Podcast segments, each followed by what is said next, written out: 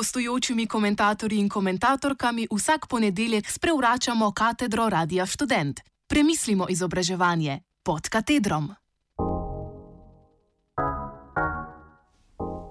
O postopkih sofinanciranja in ocenjevanja ter spremljanju izvajanja raziskovalne dejavnosti. Odziv Visokošolskega sindikata Slovenije na spremembe pravilnika o postopkih sofinanciranja in ocenjevanja ter spremljanju izvajanja raziskovalne dejavnosti.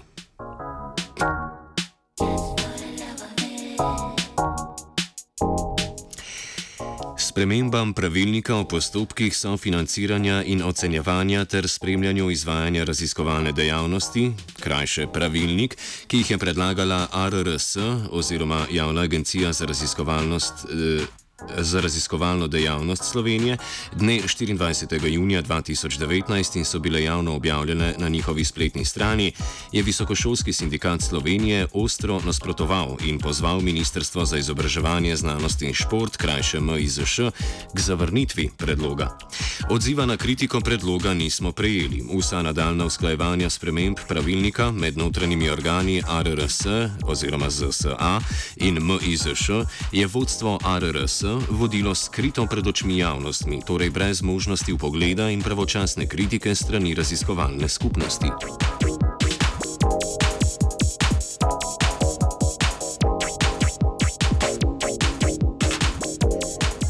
18. oktober 2019 je ARRS objavila novico, da je upravni odbor ARRS UO na konstitutivni seji potrdil tudi predlog sprememb in dopolnitev krovnega pravilnika.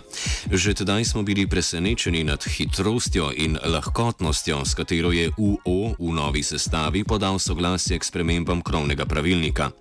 Po objavi in pregledu sprejetih sprememb pravilnika pa smo šokirani, saj ponovno ugotavljamo, da so spremembe in dopolnitve pravilnika nezadostne zadostne oziroma celo povečujejo možnost mešetarjanja pri izbiri projektnih predlogov.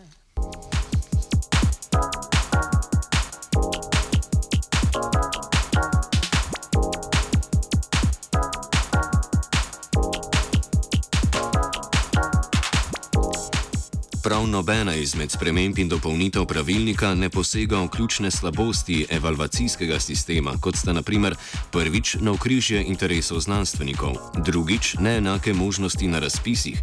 Ob uvedbi možnosti enofaznega projektnega razpisa se ohranja možnost dvofaznega razpisa z neposrednim uvrščanjem projektnih prijav programskih skupin v drugo fazo.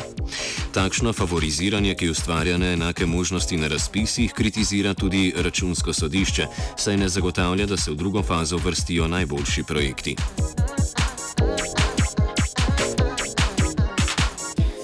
Prav škandalozen je 14. člen sprememb in dopolnitev pravilnika, ki spreminja četrto in peto alinejo 98. člena pravilnika, ki je v veljavi do 14. novembra 2019. V obeh alinejah, katerih vrstni red je zamenjan, je črtana dožnost panela, da pri razporejanju, rangiranju projektnih predlogov in v, primeri, v primeru neusklajenega poročila sprejeto odločitev tudi obrazloži.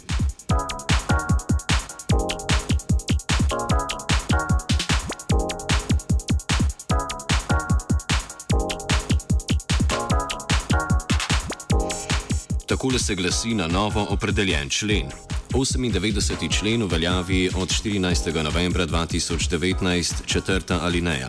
V primeru neusklajenega poročila, če projekt v drugi fazi ocenjujejo trije recenzenti ali več recenzentov, panel določi oceno projekta kot povprečno oceno.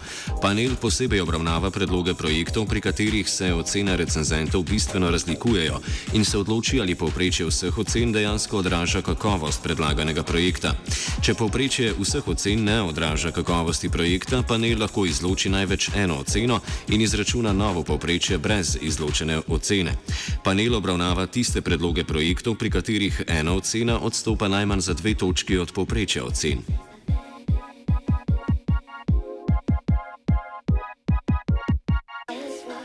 Peta alineja.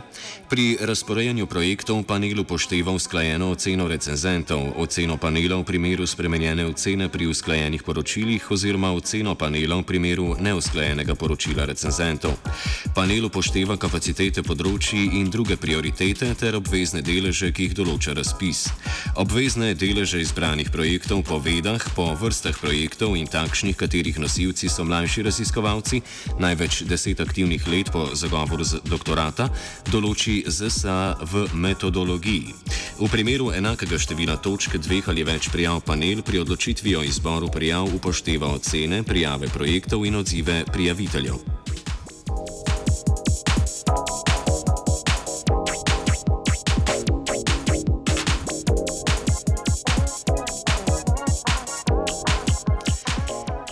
Velja izpostaviti tudi nenehno zamikanje rokov za objave razpisov. Objava javnega razpisa za sofinanciranje raziskovalnih projektov za leto 2020 je bila predvidena za september 2019. Sledilo je sporočilo RRS, da je rok predstavljen na sredino oktobra 2019, ne glede na to, ali bodo spremembe pravilnika sprejete ali ne. V obeh primerjih naj bi bil začetek financiranja projektov v juliju 2020. S prejetjem sprememb k pravilniku se je rok objave zamaknil v november 2019. Ob tem naj opozorimo še na nedopustno dolgo čakanje na odgovore k ugovorom na projektni razpis 2019, zaključen v juniju 2019. Odgovore naj bi prejeli v juliju 2019, direktor RRS pa je komisijo imenoval šele v oktobru 2019. O ugovorih bo odločal UO RRS 20. novembra 2019. V slednjem primeru lahko raziskovalci kar na spletu spremljamo, kako direktor RRS odlaga izpolnjevanje svojih obveznosti. Vlagatelji ugovorov namreč obvestilo za mikih rokov sploh nismo prejeli. Očitno vodstvu RRS za neizbrane raziskovalce ni prav nič mar ali pa se ne zaveda, da to vrstno zamikanje rokov lahko pomeni tudi prekinitev raziskovalne karijere perspektivne mlajše raziskovalke ali raziskovalca oziroma njen ali njegov odhod v tujino.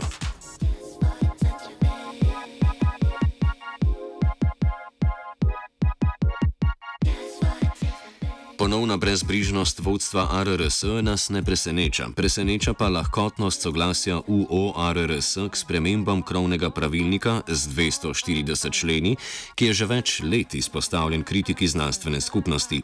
V dobrobit slovenske znanstvene skupnosti UO RRS pozivamo k vestnemu nadzoru delovanja RRS, kajti vodstvo RRS z Jožefom Gerkošem na čelu očitno ni vredno zaupanja.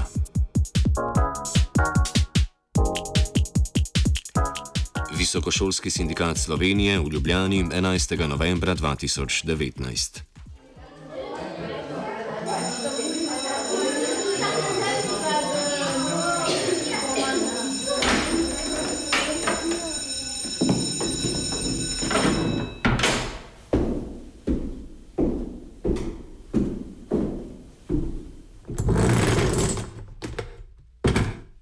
gostujočimi komentatorji in komentatorkami vsak ponedeljek sprevračamo katedro Radia Student. Premislimo izobraževanje pod katedrom.